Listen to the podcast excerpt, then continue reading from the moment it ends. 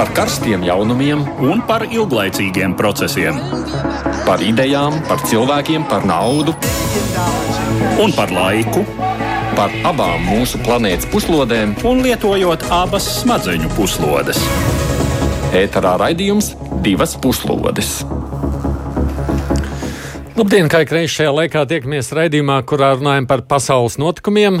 Mani sauc Aits Tomsons, kolēģis Edvards būs pie klausulas. Mēs šajā stundā grasāmies runāt ne tikai par atsevišķām valstīm, bet par visu mūsu planētu un tās nākotni. Glāzgavā šajās dienās notiek ANO klimata konference. Daudz to nodēvējuši par pēdējo iespēju izglābt pasauli no klimata pārmaiņu izraisītās katastrofas. 120 valstu vadītāji mēģina vienoties par kopēju rīcību, lai samazinātu globālo sasilšanu un tās izraisītās sekas, kādas iespējas, kāda ir realitāte. Šajā kontekstā grasāmies runāt arī par krietni tūlītējāku izaicinājumu, kas tāpat lielā mērā ir saistīts ar klimata izmaiņām. Enerģētikas resursu cenas īpaši Eiropā ir uzlaikušas ļoti strauji, solot mums grūtu ziemu. Dažādās valstīs reakcija uz šo ir atšķirīga, un Eiropas līmenī vienota reakcija arī nav panākta. Kāpēc tā? Ko tas nozīmē no drošības aspekta? Arī par to šodien runāsim. Tātad plašāku uzmanību veltīsim šiem diviem tematiem. Citi jaunumi īsākā apkopojumā šoreiz būs raidījuma beigās. Bet mēs sākam ar ziņām no Glasgowā notiekošās klimata konferences un vispirms pēdējo dienu faktu apkopojums. 26. ANO klimata pārmaiņu konference jau nodēvēta par vienu no nozīmīgākajiem diplomātiskiem samitiem visjaunāko laiku vēsturē. Konference, kas atlikta uz gadu pandēmijas dēļ, sākās Skotijas galvaspilsētā Glasgowā 31. oktobrī un turpināsies līdz 12. novembrim. Samita nozīmīgākā daļa, protams, bija vairāk nekā 130 pasaules valstu vadītāju piedalīšanās 1. un 2. novembrī. Starp viņiem ASV prezidents Džo Baidens, Lielbritānijas premjerministrs Boris Džonsons, Francijas prezidents Emmanuels Makrons, Vācijas kanclere Angela Merkele, Indijas premjerministrs Narenda Modi, ANO ģenerālsekretārs Antonio Guterres, Eiropas Savienības augstāko institūciju vadītāji un daudz citi. Tiesa, nemazāk uzmanības mediji pievērš klāt nebijušiem pasaules līderiem - Ķīnas prezidentam Sīdzimpinam, Krievijas prezidentam Vladimiram Putinam un Brazīlijas prezidentam Žēram Bolsonaru. Visām šīm valstīm ir nozīmīga ietekme uz pasaules klimatu, bet to valdību apņēmība sasniegt deklarētos klimata izmaiņu mazināšanas mērķus raisa šaubas. Ar Glasgow samitu saistās gaidas par jaunu, nozīmīgu izrāvienu centienos novērst cilvēka darbības kaitīgo ietekmi uz planētas vidi, attīstot virzību, kuru jau iezīmē konferencē Parīzē pirms sešiem gadiem parakstītais nolīgums. Tā centrā ir mērķis nepieļaut vidējās planētas gaisa temperatūras pieaugumu virs diviem Celsija grādiem, salīdzinot ar pirms industriālā laikmeta līmeni, un turpināt centienus to mazināt līdz pusotram grādam virs šī līmeņa. Pēc zinātnieku lēstā temperatūrai kāpjot virs pusotra Celsija grāda līmeņa, tādas parādības kā karstuma viļņi, neražas izraisošs sausums, ūdens apgādes grūtības un ekosistēma degradācija kļūst par planētas ikdienu. Lai to nepieļautu, cilvēcei pakāpeniski jāmazina sasilšanu veicinošo izmešu emisiju, noteiktā termiņā sasniedzot nulles līmeni. Atsevišķas pasaules valsts, Eiropas Savienība, kā valstu apvienība un arī atsevišķi uzņēmumi šai ziņā nosprauduši savus mērķus, kuri pamatā saistās ar pāris trīs desmitgadus attālu nākotni.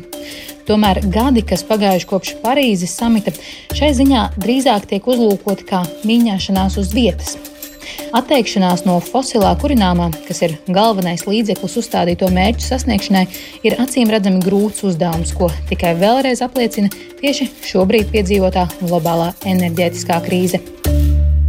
Kā jau teica Edvards Liniņš, visu šo stundu pieklausulis. Sveiks, Edvard! Labdien! Tāpat tās visu šo stundu kopā mums būs arī Māršala fonda vecākā pētniece no ASV. Mēs esam sazvanījuši Kristīnu Bērziņu. Sveiki, Kristīna! Sveiki! Un arī esam šo sadaļu sazvanījuši kolēģi no žurnāla Ir Paula Rauceps. Sveiks, Paula! Sveiks, Aidi! Bet no Glasgowas ir atgriezies Latvijas raidījuma ziņu dienas kolēģis Arčuns Konakovs. Arčuns, sveiks, tev arī! Jā, labdien! Kā tu raksturot to noskaņojumu, kāds valdīja un valda Glasgowā? Es domāju, ka noskaņojums bija tiešām tāds apņēmības pilns. Interesi ir milzīga par šo pasākumu. Tūkstošiem cilvēku katru dienu mēģināja iekļūt um, samita norises vietā, kur trūka gan galdu, gan krēslu. Uh, tā kā tiešām, tiešām uh, interesi ir liela. Jautājums ir par to, vai tiešām izdosies kaut ko paveikt. Un tas ir atvērts uh, joprojām. Jā, mēs nezinām, vai izdosies vienoties par kaut kādiem konkrētiem soļiem un tos pēc tam arī īstenot. Nu, kaut kas jau ir nācis ziņās par meža izciršanu, metānā un tam līdzīgām lietām. Nu, tādas politiskie paziņojumi, ja politiskas vienošanās, tas ir kaut kas vērā ņemams, tavuprāt. Noteikti, noteikti. Šīs vienošanās bija jau sagatavotas, un eh, tās arī tika paziņotas pirmajās dienās, kad vēl klāt bija pasaules valstu līderi. Eh, tas ir svarīgs signāls, kā arī, protams, Amerika vēlas uh, rīkoties šajā jomā ļoti aktīvi un ļoti izlēmīgi. Arī, protams, par citiem tas ir būtiski, šie ir būtiski soļi. Bet svarīgākais šajā samitā tomēr ir panākt, lai visas valstis, kas ir parakstījušas um, šo Parīzes klimatu, klimatu nolīgumu, arī nāktu klajā ar ļoti konkrētiem eh, soļiem, ko tad eh, tās valstis gatavojas darīt šajā desmitgadē. Nevis tur ap 2050. gadu, bet tagad. Un eh, te nemaz tik labi pagaidām nesokas, un pie pašreizējiem solījumiem mēs, mūsu planēta sasils par 2,7, nevis tikai pusotru grādu gadsimta, gadsimta beigās. Bet tu tā kā saki, ka runa, ja bažas ir arī par to, ka Nu, kā lai pasakā, tagad uh, savukārt uh, viena lieta ir paziņot, bet otra lieta ir izpildīt to, kas tiek paziņots. Tieši tā, un izpildīt laicīgi, jo būtiskākais ir sākt kaut ko darīt jau šajā desmitgadē un nospraust tādus ļoti konkrētus mērķus, ko tad valsts gatavojas izdarīt līdz 2030. gadam. Pieņemsim, Eiropas Savienībā ir šī pakotne, kas saucās Fit for 55, jeb um, izmešu samazināšana par 55% salīdzinājumā ar 90. gada rādītājiem līdz 2030. gadam. Un šī ir ļoti ambicioza pakotne, kur arī Latvijai būs būs šis tas jādara, sevišķi transporta jomā. Mums ir ļoti vecs autoparks, un tur ir ļoti ambiciozi mērķi. Jā, protams, ir ēku siltināšana un vēl viss kaut kas, tad, tad, tad tiek apspriests. Un, ja mēs redzam, pieņemsim tādas valstis kā Indija vai Ķīna, kuras jāsaka, ka viņi kaut ko mazinās, bet viņi nesaka, kā viņi to darīs, kurā gadā viņi sasniegs kādu slieksni, kad pēc tam, kas sekos, kāda tad ir konkrētie likumi, konkrētie soļi. Tas viss pagaidām ir miglā tīts no ļoti, ļoti daudzām pasaules valstīm un reģioniem. Paldies, Arčam, par to. Iespaidu pirmo paldies Kārcamam Konokovam, kurš ir Latvijas raidījuma ziņu dienesta kolēģis. Kristīna, klausoties šo visu, kā jūs raksturot to, kas ir šobrīd izskanējis publiskajā telpā? Ir konkrēti priekšlikumi, kurus jau minējāt, ir meža izciršanas, tagad mērķis pārstāt meža, meža izcirs, iz, izciršanu tagad nākošajā desmitgadē, ir metāna izmešu samazināšana arī daudz dažām lielvalstīm, piemēram, ASV, kur to pa to parakstījusi šies šodien nākuši klajā priekšlikumi par akmens ogļu, tagad neizmantošanu arī nākotnē. Tie ir ļoti konkrēti jautājumi, jo, protams, nav tikai, ir, ir dažādi, dažādas gāzes, kuras izraisa izmešus, kuriem ir dažādi sil, sildīšanas efekti, un, piemēram, metāns tādā ziņā ļoti svarīgs un uh, kādā veidā vēl samazināt to efektu, protams, meži ir nepieciešami. Un tāpēc izskatās, ka tās valstis, kuras ir spējīgas kaut ko darīt un arī ieradušās, tās arī kaut ko sniedz kaut kādus konkrētus priekšlikumus. Bet tas jautājums ir, kurš nav nācis pie galda un kurām valstīm vēl ir nepieciešama palīdzība, kuras valstis, piemēram, Indija, kurām ir nepieciešama arī lielu valstu, bagāto valstu palīdzība, gan tehnoloģiju izveidošanā, gan iepirkšanā, lai viņi varētu sasniegt savus mērķus. Un tur tas, tas būs sarežģīts politisks jautājums ne tikai šobrīd Glāzgovā, bet pēc tam arī lielajās valstīs, jo tomēr tādus resursus finansiālos būs jā, jāatbrīvo. Un vai citas valstis ir šobrīd politiski iemeslu dēļ ar mieru studēt pārējās, tas vienmēr ir sarežģītāk nekā Glāzgovā pieiet pie galda un teikt, jā, labi, mm -hmm. mēs savus, savu iekštelpu sakārtosim, bet citiem tas atkal jau ir, tas jau ir grūtāk. Mm. Pauli, klausoties visā šajā, cik tu esi jau optimistisks vai skeptisks? Vai sakot, kāds tavs noskaņojums pēc, pēc tam ziņām? Nu, mans noskaņojums, es neteiktu, ka es esmu ļoti optimistisks, bet es neteiktu arī, ka es esmu fatālists. Respektīvi, es nedomāju, ka tas viss ir lemts neveiksmē un mēs te drīz uh, zaudēsim spīgs jūraslītī, kas piepsies līdz gaiziņām. Ja? Mhm. Tā man, uh, jo šobrīd tā labā ziņa ir, es teiktu, ir divas labas ziņas. Viena labā ziņa ir, ka ir pilnīgi skaidrs, ka šobrīd jau pastāv tehnoloģijas, lai sasniegtu tos mērķus. Nesen iznāca starptautiskās enerģētikas aģentūras pētījums par šo, nu, tie cilvēki, kas tieši viņu profesiju skatīties, kā mēs varam piegādāt elektrību, siltumu, visu ko citu. Un viņi saka, jau šobrīd tas viss ir iespējams, un īsnībā jau, piemēram, zaļās elektrības ražošana ar dažām tehnoloģijām jau ir ļoti konkrēti spējīga ar esošiem enerģijas avotiem. Cevišķi tagad, kad mēs redzam šo, šis, šo cenu pieaugumu un tā tālāk. Tā ka, tā ka tas ir izdarāms. Otrs ir, ka, uh, lai gan, nu, mēdz teikt, ka, nu, nekas nav mainījies visā šajā laikā un tā tālāk, tā gluži nav. Kopš Parīzes, kas ir, nu, tagad 16 gadus pagātnē, uh, tad, kad notika Parīzes tā konference, prognozes bija, ka līdz uh, šī gadsimta beigām globālā temperatūra vidēji pieaugs 4 grādus salīdzinot ar pirmsindustriālo laikmetu. Ja. 15 gadu laikā ir panākt pieti, panākt pietiekami daudz, ka tās prognozes tagad norāda, ka tās tas, uh, sasilšanas slieksnis varētu būt 2,8, 2,9, nu katrā ziņā kaut kas ap 3, varbūt pat zem 3. Tas, protams, ir nepietiekami. Trīs vēl aizvien ir drausmīgs skaitlis, bet tas ir par veselu grādu mazāk nekā bija pat pirms 15 gadiem. Tā kā ir iespējams panākt arī šādus uzlabojumus. Tā kā līdz ar to tas uh, jautājums, un tas arī ir, es teiktu, mūsu kā pilsoņu, kā žurnālistu, kā interesētu zemes iedzīvotāju um, darbs, panākt, lai šie tehnoloģiskie risinājumi, tās iespējas, kas pastāv, lai tās tiktu liktas lietā. Un tā, nu, tas prasa politisko gribu un, protams, arī naudu, bet tas ir izdarāms. Tas ir tas galvenais, kas būtu jāsaka. Un tas otrs, vēl vienais, ko es gribētu teikt, kas ir, kas ir man liekas, nozīmīgi, ir, ka mēs jau sākam redzēt, ka tas ne tikai ir izdarāms, bet tas kļūst, šie risinājumi kļūst pievilcīgi. Tas, ka Tesla, ja, vadošais elektroautomobīļu ražotājs, tagad ir vērts vairāk nekā General Motors, Ford, Toyota, Honda un vēl virkni citu uh, tradicionālo autoražotāju.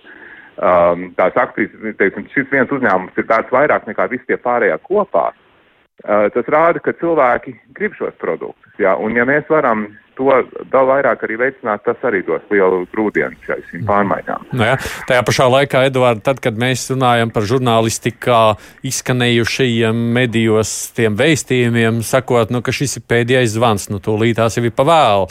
Tur tāds, nu, tāds, tāds ieskriešanās laiks jau īsti vairs netiek pieļauts.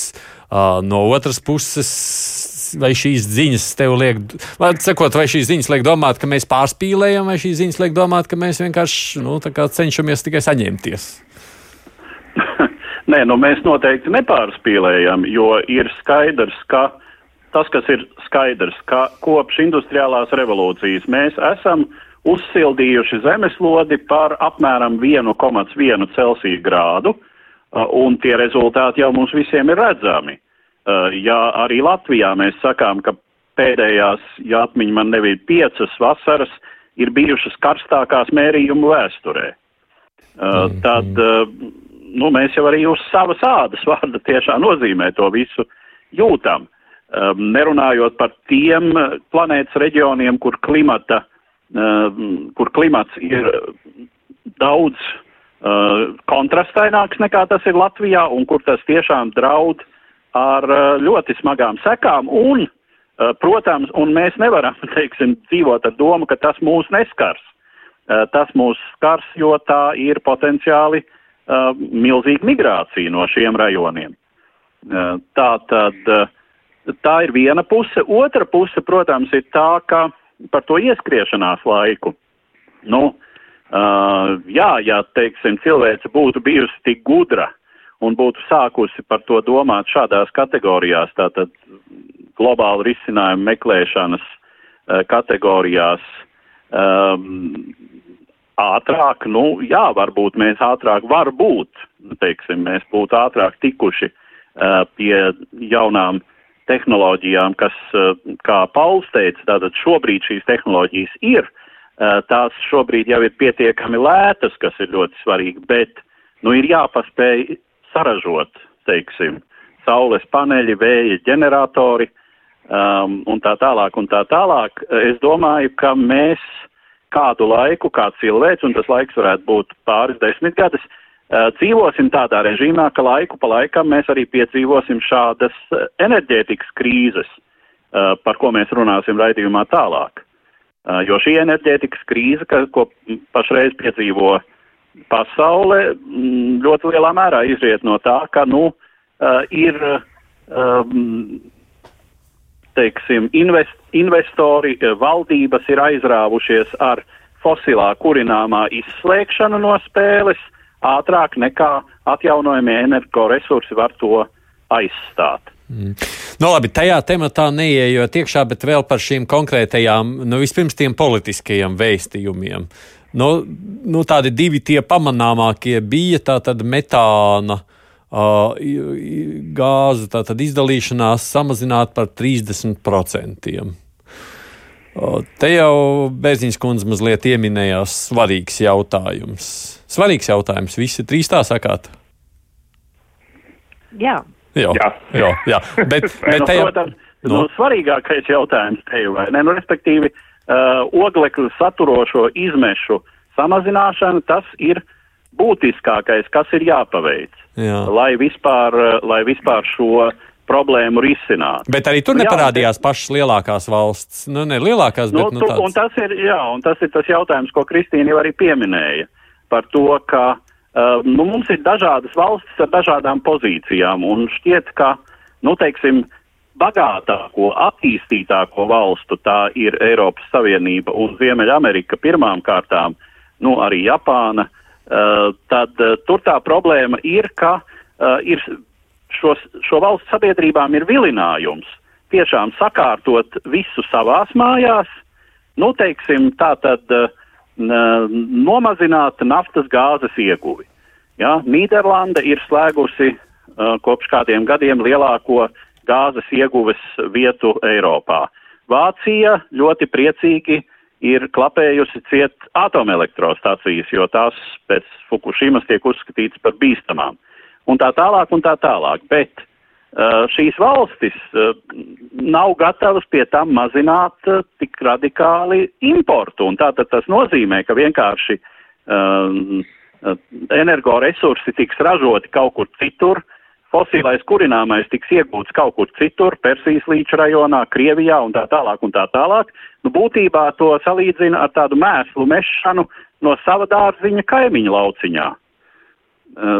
Tas, tas ir viens. Nu, un tad, protams, tās problemātiskākās ir tās valstis, kuras ļoti lielā mērā dzīvo no fosilā kurināmā. Tā ir pirmkārt Krievija, uh, Uh, tas ir Persijas līcis, tā ir arī Austrālija, kuras ekonomikā joprojām akmeņogļu ieguve uh, ir ar diezgan uh, lielu nozīmi. Mm. Nu, un Ķīna, kas gan iegūst, gan, gan ražo patēriņu preces, nu, kas ir lielākais jautājums, vai tiešām Ķīna būs gatava līdz tam 2060. gadam, ko tā ir apņēmusies, uh, nonākt līdz, uh, līdz šai klimata neitrālajai pozīcijai.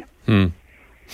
Nu, un otra lieta ir tā koku izciršana, Pauli. Tur, man liekas, neskapēc vieglāk bija vienoties, lai gan arī tur bija pārsteigumi Brazīlija vai ne, kas parādījusies. Nu, jā, tur gan, uh, var lasīt, tas kontrols mehānisms nav diezko stingrs.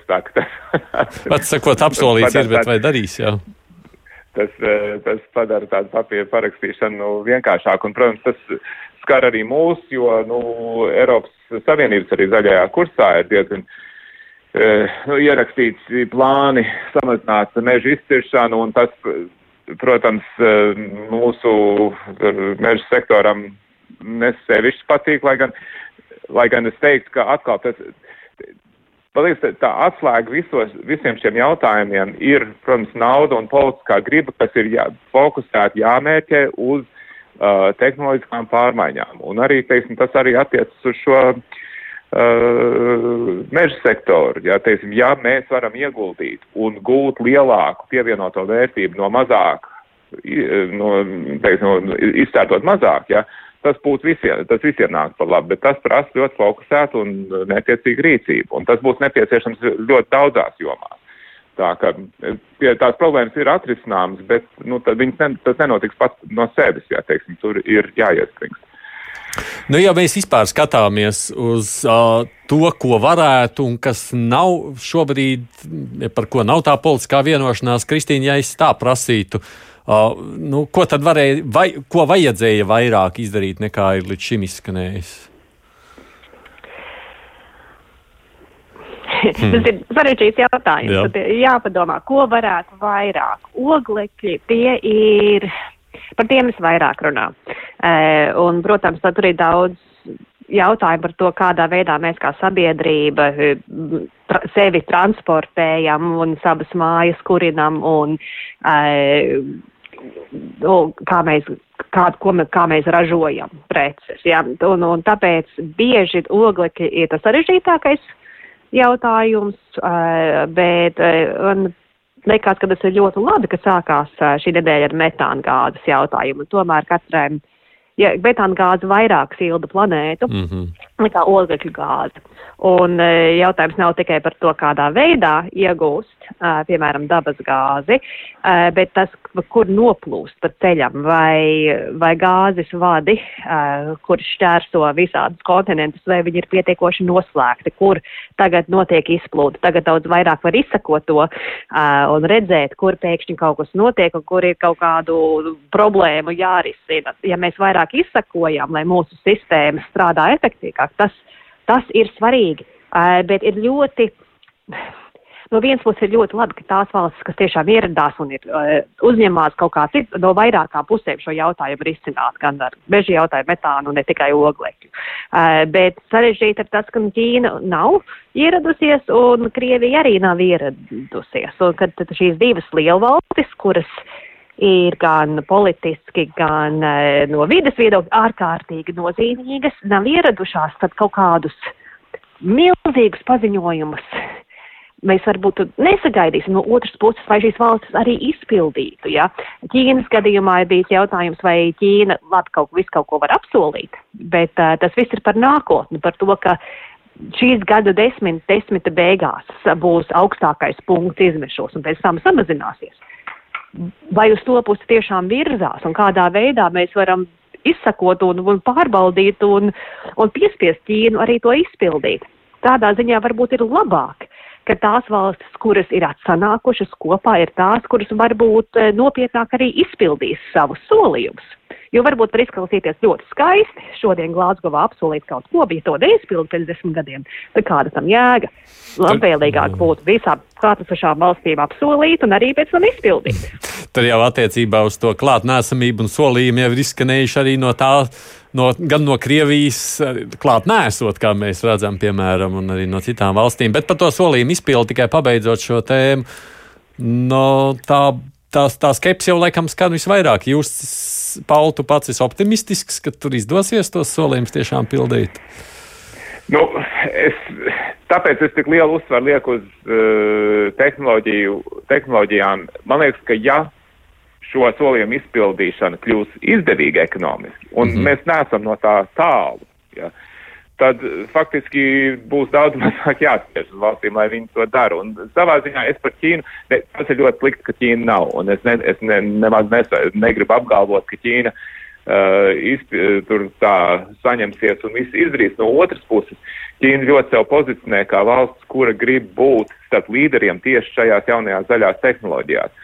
Tā ka es varbūt mazāk par Ķīnu strātos, protams, par Krieviju ir jāstrātās, jo viņi, Putina režīms ir balstīts uz klimata pārmaiņu veicināšanu. Ja, teiksim, ja, ja viņš nespēs mhm. pumpēt naftu un gāzi, tad kur viņš vispār paliks? Bet uh, Ķīnai, varētu, Ķīnai varētu rasties šie pozitīvie stimuli pilnīgi neatkarīgi no tā, Uh, ko pārējā pasaule sāk, un es domāju, ka tas ir arī tas, tas efektīvākais ceļš, kā panākt šīs pārmaiņas, padarīt šīs tehnoloģijas pietiekami lētas un izdevīgas, lai cilvēki paši viņas izvēlētos. Un es saku, mēs neesam tālu no tā, tas arī prasa naudu, bet ja mēs to izdarītu, tad uh, jautājums kļūtu daudz mazāk. Mm -hmm. Oh, Agnēsta mums raksta, šķiet, visi jau sen aizmirsuši bijušā ASV viceprezidenta Alagora filmu Nē, tā patiesība, kurā viņš jau 2008. gadā runāja nu, tieši par šo pašu. Toreiz tā bija kā tāda saucēja balss tuksnesī. Jā. Ah, es teikšu par nākošo tematu vēl runājot, tikai paldies droši vien Paulam Raucepam, žurnāla ir komentētājam. Uh, par pievienošanos mūsu sarunai, tāpēc, ka tas temats, par ko gribam vēl runāt tālāk, kā jau Edvards teica, arī lielā mērā ir saistīts ar šo par vidu un planētas glābšanu, jo energoresursi jau lielā mērā ir pamatā visiem tiem izaicinājumiem, kas ir radušies, un to cenas pēdējo mēnešu laikā daudziem rada pamatīgas galvas sāpes. Vispirms mums būs faktu apkopojums. Aizņemta ar pandēmijas apkarošanu, pasaule atapusies jaunu izaicinājumu priekšā. Kopš septembra pasaules medijos arvien biežāk parādās ziņas par konsekventu energoresursu cenu kāpumu un arvien biežāk dzirdams apzīmējums - enerģētikas krīze. Naftas cenas kopš pērnā gada pieaugušas vairāk nekā par pusi, dabasgāzes cenas Eiropā te ir pieckāršojušās. Sākot atkopties no pandēmijas radītā ražošanas krituma, globālā ekonomika, sevišķi Ķīna, sadūrusies ar akūtu energoresursu deficītu. Ķīnas valdība jau ieviesusi enerģijas taupības režīmu, ražotājiem dota norādījumi samazināt patēriņu, noteikti periodiska strāvas atslēgšana iedzīvotājiem. Nelabvēlīgi klimatiskie apstākļi Eiropā vainojam pie strauja dabasgāzes krājuma izsīkuma un vēja enerģijas ražošanas krituma, kamēr dabasgāzes piegādes no Krievijas ir mazākas nekā cerēts. Energoresursu cenu kāpumu Eiropā ietekmē arī oglekļa emisijas kvotu sadārdzināšanās. Kā papildu krīzi veicinoši faktori tiek minēti Ķīnas atteikšanās no Austrālijas akmeņogļu importa un strauji hidroenerģijas ražošanas apjoma kritums Brazīlijā sausuma ietekmē. Kā salīdzinoši ilglaicīgāk šo krīzi veicinošs faktors ir pēdējos gados notikusi straujā investīciju samazināšanās fosilā kurināmā iegūst sfērā, ko noteikusi vispārējā tendence īstenot kursu uz atteikšanos no fosilā kurināmā. Daudzi nozīmīgi investori atteikušies no ieguldīšanas naftas un gāzes ieguvē, savukārt iegūs kompānijas sākušas intensīvi pārorientēties uz atjaunojamo energoresursu sfēru. Tomēr atjaunojamo energoresursu ražošana kaut tehnoloģiski ļoti progresējusi, joprojām ir proporcionāli mazjaudīga. Kā izsakās izdevuma Forbes citātais ekonomists Edvards Jardēnī, atjaunojamie energoresursi nav gatavi savam lielajam uznācienam. Tādējādi līdzens pārejas vietā steiga izskaust fosilo kurināmo izraisa strauju tā cenu kāpumu un visaptverošas enerģijas piegādes traucējumus. Citāta beigas. Kā vēl viens krīzi veicinošs faktors tiek minēta kodolenerģijas ražošanas jaudu mazināšana vairākās valstīs, sevišķi Japānā un Vācijā.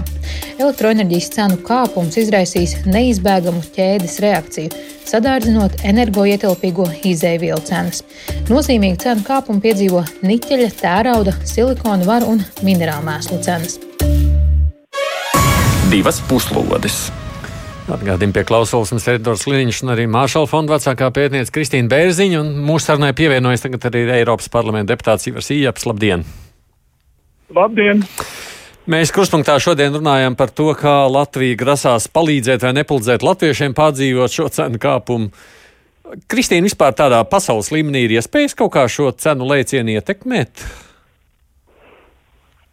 Ilgtermiņā, jā. Uh, bet jautājums par to, kas notiek tagad īstermiņā. Uh, ja skatās uz to, var, var kaut cik paredzēt arī energo cenas dažu mēnešu vai pat pusgadus priekš skatoties uz to, uh, kā tiek nopirktas jau tagad energo da, daļas no energoresursiem, kurus jau tirgu parādās. Piemēram, bija jautājums pirms pāris dienām par to, cik tagad gāzi pārdos Krievija janvārī vai februārī. Ja. Tādā ziņā mēs, mēs varam apmēram paredzēt, cik daudz resursi būs pieejami. Nekas labāks īsti neizskatās pāris mēnešus skatoties uz priekšu. Drīzāk varbūt paredz to, ka tādā lielā tirgus mērā kaut kas varētu uzlaboties 2022. gada beigās. Bet cits mm. jautājums par to, kādā veidā tas ietekmē uh, katru atsevišķo mājasaimniecību vai, vai uzņēmumu, un tur atkal tas ir tāds valsts jautājums, vai kādā veidā var atbalstīt tos, kuriem šī krīze var būt īpaši sāpīga. Mm. Un tur varbūt īstermiņā var kaut ko darīt. Atsakot tādā uh, tuvākā termiņā, mēs arī neredzam, ka tā cenu situācija varētu uzlaboties. Uh, savukārt, Iepkungs Eiropā jau arī par to sprieda, un nekādas jau tādas vismaz kopējas vienošanās nespēja panākt. Kāpēc? Nē, nē, nu, e, ir tā, ka šajā mirklī, protams, ka galvenais ir domāts, kā mīkstināt to triecienu pa mājsaimniecībām un īpaši pa mazajiem uzņēmumiem. Un tur patiešām, kā jau pareizi tika teikts, nekādu cita brīnuma līdzekļu tik ātrā tempā nav, kas varētu, nu, kā vienkārši valsts subsīdijas dažādos veidos ar nodokļiem vai ar tiešiem maksājumiem. To, protams, katra valsts dara savādāk, idejot arī no savām iespējām, protams. Bet ir skaidrs, ka īstermiņā mēs nevaram šobrīd tās cenas kaut kā noregulēt. Protams, tur ir virkne ar tādiem uh, lielu mērogu jautājumiem. Eiropa pēdējā laikā ir gājusi tādā enerģijas tirgus liberalizācijas virzienā, kas nozīmē to, ka mēs ļoti maz saņemam enerģijas pa fiksētām cenām. Un tā ir viena lieta, ko mums, protams, pārmet arī, nu, respektīvi ne pārmet, bet tā ik pa brīdim uzbrauc Krievija, kas saka, nu, kāpēc jūs tur tā izrāvāties ar to liberalizāciju. Bet, ja mēs domājam par to, ko Latvija var darīt, ir skaidrs, ka pilnīgi pareizi, ka principā to krīzi nevarētu atrisināt ar tikai atjaunojumiem energoresursiem. Protams, ka mums ir jāiet tajā virzienā un jāpalielina tā atjaunojamo resursu daļa tajā kopējā enerģijas portfelī. Bet tas nav tā, ka mēs varētu ātri pāriet uz tikai atjaunojumiem. Bet nevajag aizmirst to, ka vislabākā un vislētākā enerģija ir tā, kas nav iztērēta. Un tādā ziņā Latvijai, es domāju, tuvākajos gados stāv priekšā milzīgs darbs energoefektivitātē. Pirmkārt, jau, protams, dzīvojamo ēku daudz dzīvokļu siltināšanā, kas mums, nu, kaut vai Rīgā, tur, es domāju, ka ir milzīgs apjoms vēl ko darīt, gan arī uzņēmumu, kas arī tiek motivēti, lai kļūtu truciņi energoefektīvāki un lai ar to enerģiju apietos mazliet taupīgāk. Edvards, savukārt skatoties nu, tās ziņas, kas parādījās, runājot par enerģētiku un arī to lemšanu, kas bija Eiropas Savienības līmenī, tur jau sprieda, vajag, nevajag iejaukties, mēģināt tirgu, tas ir tikai patērētāja aizsardzība. Kā tad šķiet, kāpēc tie viedokļi dažādām valstīm ir tik atšķirīgi? Nu, tāpēc, ka dažādām valstīm ir arī atšķirīga situācija. Mm, ir, teiksim, uh, joprojām no Krievijas gāzes eh, ļoti atkarīga Austrum Eiropa, ir eh, Vācija, kam eh, Krievijas gāze ir ekonomiski izdevīga, nu ir citas valstis, kuras, kurām ir citi energoresursi. Tas tā, es domāju, ir tā mm, galvenā atšķirība. Nu un arī, protams, teiksim, šo mājasaimniecību spēja, kā saka, turēt sitienu, teiksim, droši vien, ka pārtikušākās valstīs uh, maksa par apkuri un er elektrību salīdzinoši pret kopējo ģimenes budžetu varētu būt mazāka nekā tā ir, uh, piemēram, Latvijā. Nu, vēl, protams, arī apkuras sezonas ilgums un tā tālāk un tā tālāk. Nu, tur jau ir milzums, kā saka, nu, restīvi vairāki. Eh, vairāki mainīgie šais uh, formulās. Nu, ja runājam par Latviju, protams, man pēc šīs dienas kurspunktā paliks skaidrs, ka mēs esam ļoti izturīgi. Mēs tur neko nedarām, ne, īpaši neizdarīsim, lai palīdzētu savējiem. Tas jautājums pat uh, laikam no tāda viedokļa es esmu skeptisks, bet skatoties savukārt par to kopēju. Nu, zini, zini, Aidī, vēlēšanas Latvijā nāk vai ne, un tā ka varbūt izdarīsim gan. Oh, tu tā saki. Bet tajā kopējā lemšanā, Iepkungs, tur taču Eiropa sprieda par arī tādā samitā par to, var ko darīt, nevar ko darīt. Uh, bet, uh... Tur tā lieta, ka Eiropas komisija tika pieņēmusi tādu, nu, kā saka, instrumentāriju par to, ko darīt šajā situācijā. Un tur bija, protams, lielākoties stāsts par to, kā valstīm pašām ar saviem budžetiem vajadzētu tam visam palīdzēt. Par to, ka nāks kaut kāda liela nauda tieši enerģijas risināšanai paralēli tai, kas ir jau šobrīd ar Covid saistīta tā nauda.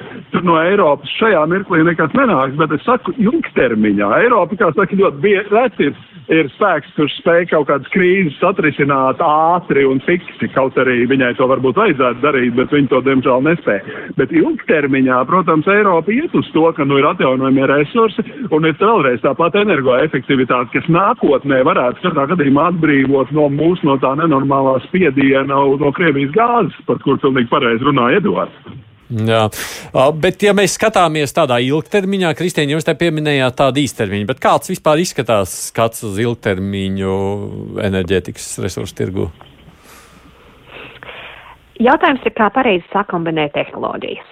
Un e, par to jau iepriekšējā segmentā Pauls Raudsers runāja, bet par to ir, ir ļoti daudz iespējamu tehnoloģiju, kuru tagad valstis un uh, maisēniecības uzņēmumi varētu pielietot. Lielākais izaicinājums mums būs tagad izdomāt, kā pareizi un kā ekonomiski vis, visefektīgāk sakombinēt uh, iespējamās tehnoloģijas. Jā, jo, piemēram, un ne tikai ko izmanto siltumam vai, vai elektropiegādē māja, katrā atsevišķā mājasaimniecībā un ko izmantos atsevišķa pilsēta, bet kā to, kādā veidā, piemēram, ja ir vietas, kur ir liels kur varētu vēja ģenerators daudz uzstādīt. Kā to sakombinēt, piemēram, ar transportu uh, sektoru un, piemēram, pāriet uz elektriskiem autobusiem, kurus varētu naktīs uzlādēt uh, ģenerators ar, ar vēja resursu, vēja spēku, vēja elektrību, kuru tad pa dienu iztērē un otru atkal. Jā.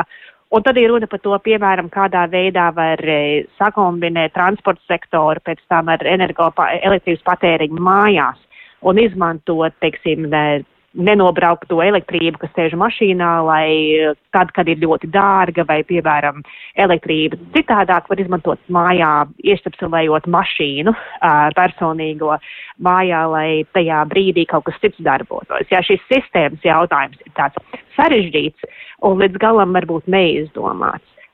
Un tad kādā veidā to vēl sakombinēt ar lielo bildi, kurā brīdī no kurienes iepirkt cik gāzi vai ogles vai uh, vai citus resursus, ja naftu. Tas, tas paliek tāds liels, tāds liels darbs, un tas attieksies ne tikai uz, uz valsts sektoru un uzņēmējiem, bet arī uz, uz maisaimniecībām. Kas liekas interesanti, ja kas liekas tāds aizraujošs izaicinājums maisaimniecībai izmantot jaunākās tehnoloģijas un kā to pat atsevišķu pilsētu, reģionu un valsts līmenī pielietot. Jo iespējas ir daudz, bet kā pareizi tās izmantot. Mm. Tas ir sarežģītāk. Nē, bet tas nozīmē, ka vajag kādam, nu, nu ka tai ir jābūt kaut kādai tādai politiskai gribai un apņemšanās Nē, nu, tur, ja, ja es varu piebilst, tad, eh, protams, tas viss tā ir. Jautājums ir, protams, par milzīgām investīcijām. Ir skaidrs, ka gan tie vēja ģeneratori, gan tie gudrie tīkli, kas uz vietām ražos uh, elektroenerģiju, gan arī tie visi elektrisko autobusi, kurus mēs ir pa naktīm lādēsim un tā tālāk. Tas viss šajā mirklī vairumā gadījumu Eiropas valstīs ir tikai zils sapnis. Eh, pie kura ir jāsāk strādāt, un tur, protams, tam ir domāts viss tas Eiropas Savienības zaļā kursa budžets. No otras puses, tur ir jāsaprot, ka mums arī Latvijā eh, pašiem no savu budžetu šitajā visā stāstā nāksies investēties. No vienas puses, protams, ir tas stāsts, ka mums tas, protams, palīdzētu palielināt mūsu enerģētisko neatkarību, kas vienmēr ir bijusi liela tēma, jo mums tas Gazprom trubas um, ir vienmēr visu laiku prātā, vai nekad ar mums runā vai par mums runā. Bet eh, no otras puses, tas ir skaidrs, ka mums arī nu, tā maksāt spējuma budžeta iespējas, vai nekam mums tikai nevajag naudu, vai ne, ir krietni, krietni zemākas nekā tas ir vienai otrai citai Rietumē Eiropas valstī. Tā kā šobrīd Eiropas parlamentā, stāv priekšā tā lielā diskusija par tiem jaunajiem klimata likumiem, kas ir uz galda un kurā visas šīs lietas uh, tiek atrunātas un no to, kā mēs veicināsim to elektromobilitāti. Tieši tā. Tas nav stāsts tikai par autobusiem, tas stāsts ir, kā mēs nu, motivēsim cilvēkus iegādāties elektromobīļus pašiem, kas šobrīd nu, nav īpaši, saka, uh, reāli un rentabli Latvijas apstākļos un tā tālāk. Uh, tas ir arī stāsts uh, par to, kā mēs ražosim, jo mēs arī negribam savu rūpniecību padarīt konkurēt nespējīgu, gluži vienkārši tādēļ, ka tās enerģijas cenas pieaugs visam, ko mēs ražojam Latvijā? Tā kā šobrīd es domāju, ka mēs visi sekosim līdzi šitajai diskusijai, kas tagad tikai sākās, un tur būs vesela virkne diezgan skarbiem jautājumiem. Un kā jau pareizi tika teikts, nākamajā gadā nāk vēlēšanas. Tas vēlēšana fons arī, protams, tam atstāja zinām iespēju, tāpēc, ka skaidrs, ka nu, tur ir virkni lietas, kas nemaz tik ļoti patīkams uz papīra neizklausās. Ne? Un tas, ko mēs šobrīd esam dabūjuši ar tām augstajām gāzes un benzīnu un elektrības cenām, tā ir tikai tāda iesildīšanās. Uh, vienam garākam stāstam, kur es domāju, arī Latvijā būs nepieciešama viena plaša debata, jo tas nevar tikt izlēmts tikai kaut kādos politiķu koridoros. Tā ir lieta, par kuru mums visiem grozi, kā grib, būs jāmaksā. Arī tāpēc, ka nu, gal galā, ja reiz mēs esam daļa no Eiropas, mēs piedalāmies tajā kopējā projektā, kas saucās, nu, mēs gribam atstāt to zemeslodu daudz maz uh, apdzīvojam arī ne tikai mūsu bērniem, bet arī mazmazbērniem. No vienas puses jau varētu sacīt tā, labi, šāda krīze vienmēr liek sarosīties un pārvērtēt, domāt, sapurināties, meklēt kaut ko. Bet no otras puses, nu, pieņemsim šajā pašā kontekstā par elektrību. Ja dīzeļdegvielas cena pieaugusi ir par 40% pēdējās kaut kādas šajā pusotra gada laikā, tāda elektrības cena ir vairāk nekā divkāršojusies, kas nozīmē, ka kad man saka, jāpāriet uz elektromobīļiem, tu saki, o, tas ir vēl krietni dārgāk izmaksās nekā sākotnēji man jā, pirms gada solīja, ka tas tā mainīsies. Tā tas ir tā drunga varbūt ar diviem galiem no otras puses. Taisnība, taisnība. Vienīgais, nu, paldies Dievam, arī kaut ko dara labi arī brīvais tirgus un kaut ko labi dara arī inovācijas tādā ziņā, ka elektrības cena patiešām padara tos elektromobīļus šobrīd nepārāk konkurētspējīgus. No otras puses ir pretējā tendence, ka tie paši elektromobīļi tomēr kļūst drusku, drusku pieejamāki, vai ne? Bet arī līdz tam līmenim, kamēr cilvēki varēs to atļauties bez nekādas valsts vai Eiropas palīdzības, ir vēl diezgan tālu, ko iet.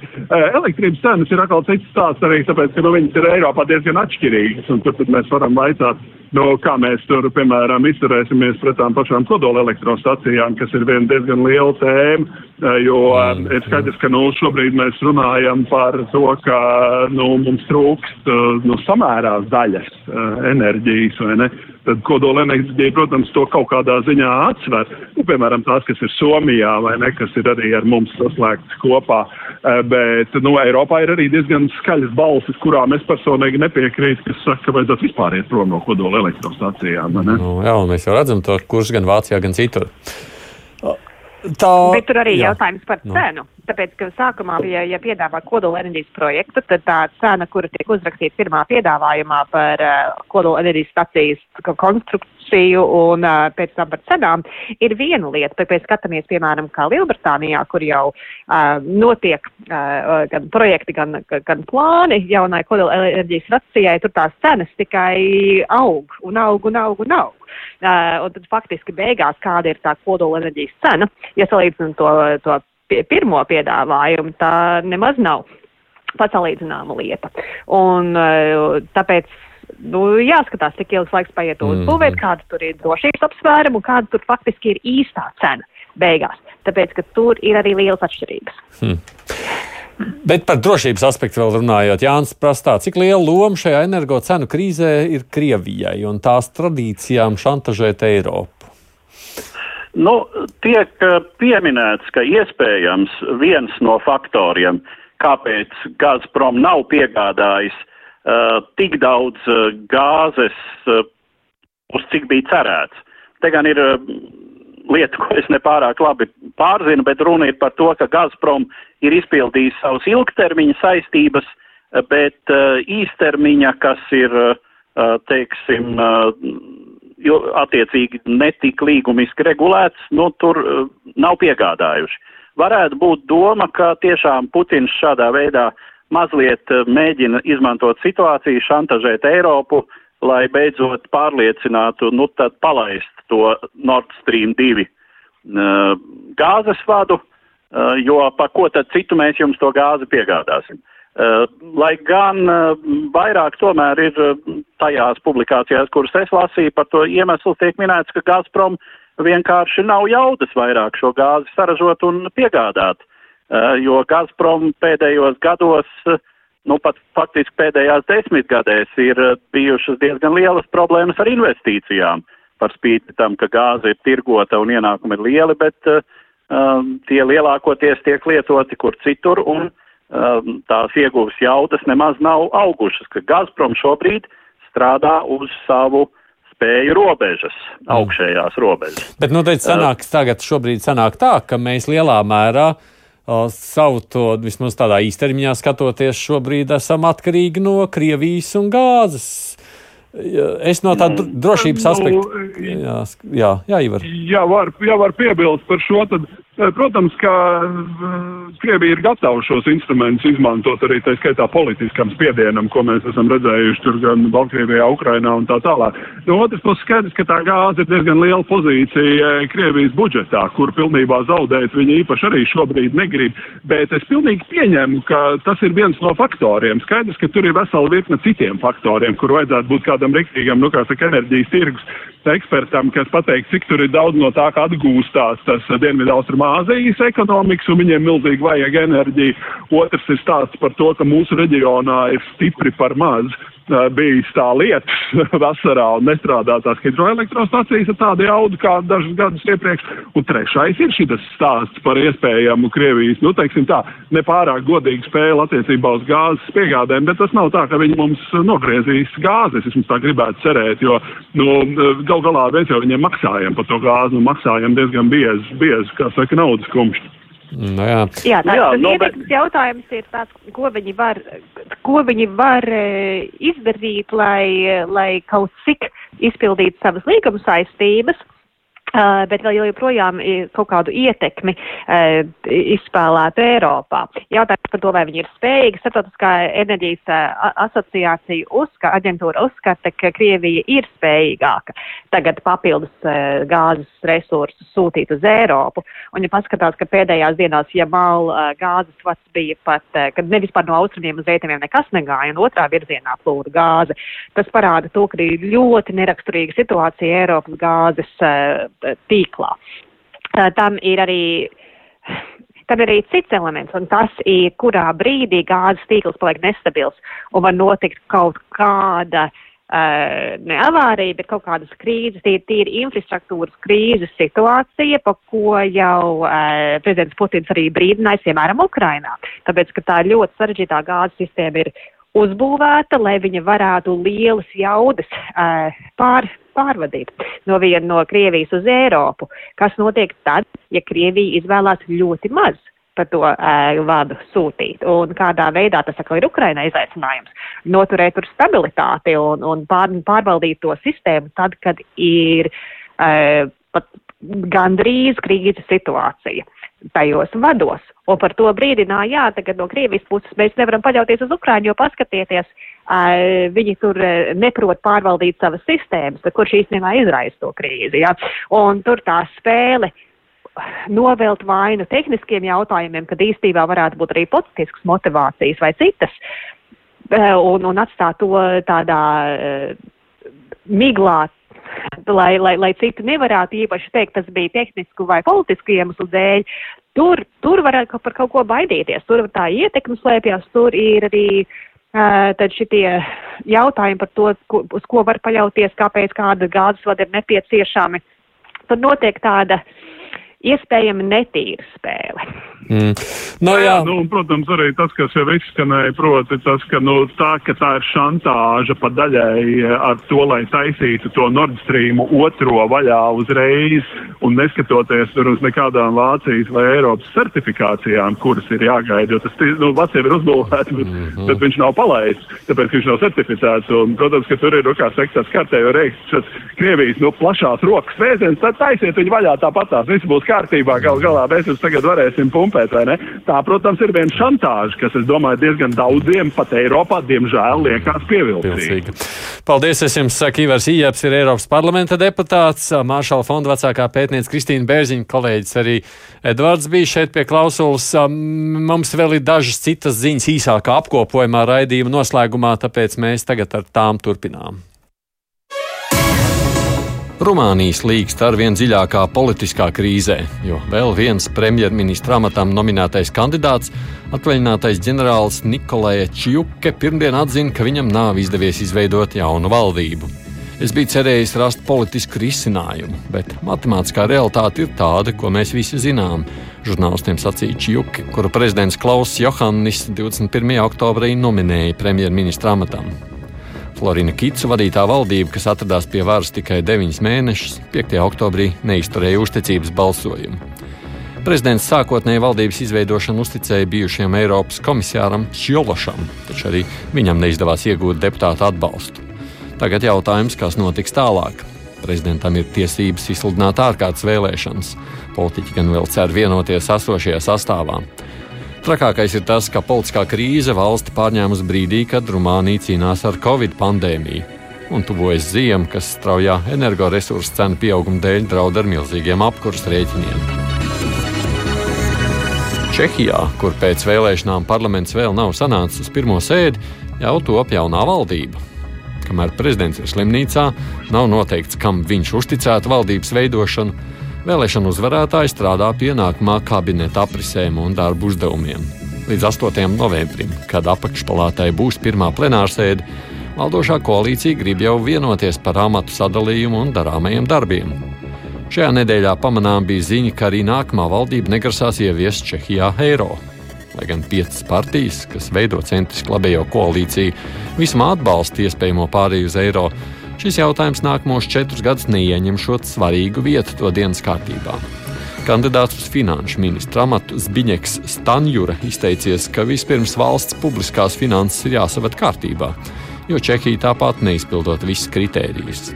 Budžeta deficīts Čehijā šogad būs 7,7% no iekšzemes koprodukta, kas vairāk nekā divkārt pārsniedz Eiropas Savienības noteiktos budžeta iztrūkuma griestus - 3% no IKP. Taču iespējamais ministrs arī uzskata, ka šobrīd pārēju uz eiro Čehijai nemaz nebūtu izdevīga. ASV ir galīgi apstiprināta Pfizer vakcīnas izmantošana bērniem no 5 gadu vecuma.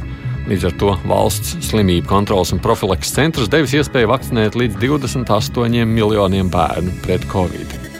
ASV valdība jau sagatavojusies šim lēmumam, sagādājot pietiekami daudz vakcīnu devu un sākot tās izplatīt valsts teritorijā. Šodien mēs esam sasnieguši pagrieziena punktu mūsu cīņā pret covid-19, izteicies prezidents Joe Bidenis Baltānam publicētā paziņojumā. Jaunāku bērnu vakcinēšana, citēji, ļaus vecākiem izbeigt mēnešiem ilgu satraukumu par saviem bērniem un samazinās to, cik lielā apmērā bērni izplatīja šo vīrusu citiem. Tas ir liels solis uz priekšu mūsu valstī, mūsu cīņā, lai sakautu vīrusu, tā teica prezidents. Jāpiebilst, ka bērniem vakcīnas deva būs trīs reizes mazāk nekā pārējiem. Un, lai vakcinētājiem nesajuktu, vakcīnu pudelītes bērniem būs ar oranžu aizbāzni. Gan drīz vai grūti aptvert, ka pasaulē ir valstis, kuras izbēgušas no vispasaules pandēmijas. Viena no tādām līdz šim bija klusā okeāna salu valsts Tonga, taču tur pirms dažām dienām reģistrēts pirmais Covid-19 gadījums. Šī ziņa gan radījusi tādu satraukumu, ka valstī nekavējoties izsludināta mājas sēde valsts galvenajā salā Tonga Tapu. Saslimšana Tongā konstatēta pagājušajā nedēļā, kad vīrietim, kurš ieradās ar repatriācijas avio reisu no Jaunzēlandes pilsētas Christchurchs, tests bija pozitīvs. Šis vīrietis, kurš bija pilnībā vakcinēts, un pārējie 214 cilvēki šajā reisā pēc nolaišanās ir atradušies izolācijā. Veselības ministrija paziņoja, ka līdz šim Tongatapa salā nav konstatēta šīs slimības pārnešana. Tongā ir 106 tūkstoši iedzīvotāji, kas pārsvarā dzīvo Tongatapu salā, un tikai apmēram trešdaļa no viņiem ir saņēmuši abas Covid-19 vakcīnas devas. Ziņa par pirmo slimības gadījumu valstī pamudinājušas tūkstošiem iedzīvotāju tagad steigt vakcinēties. Pusvadītāja deficīts, kas smagi skārs autoražošanas nozari, turpināsies līdz nākamā gada beigām.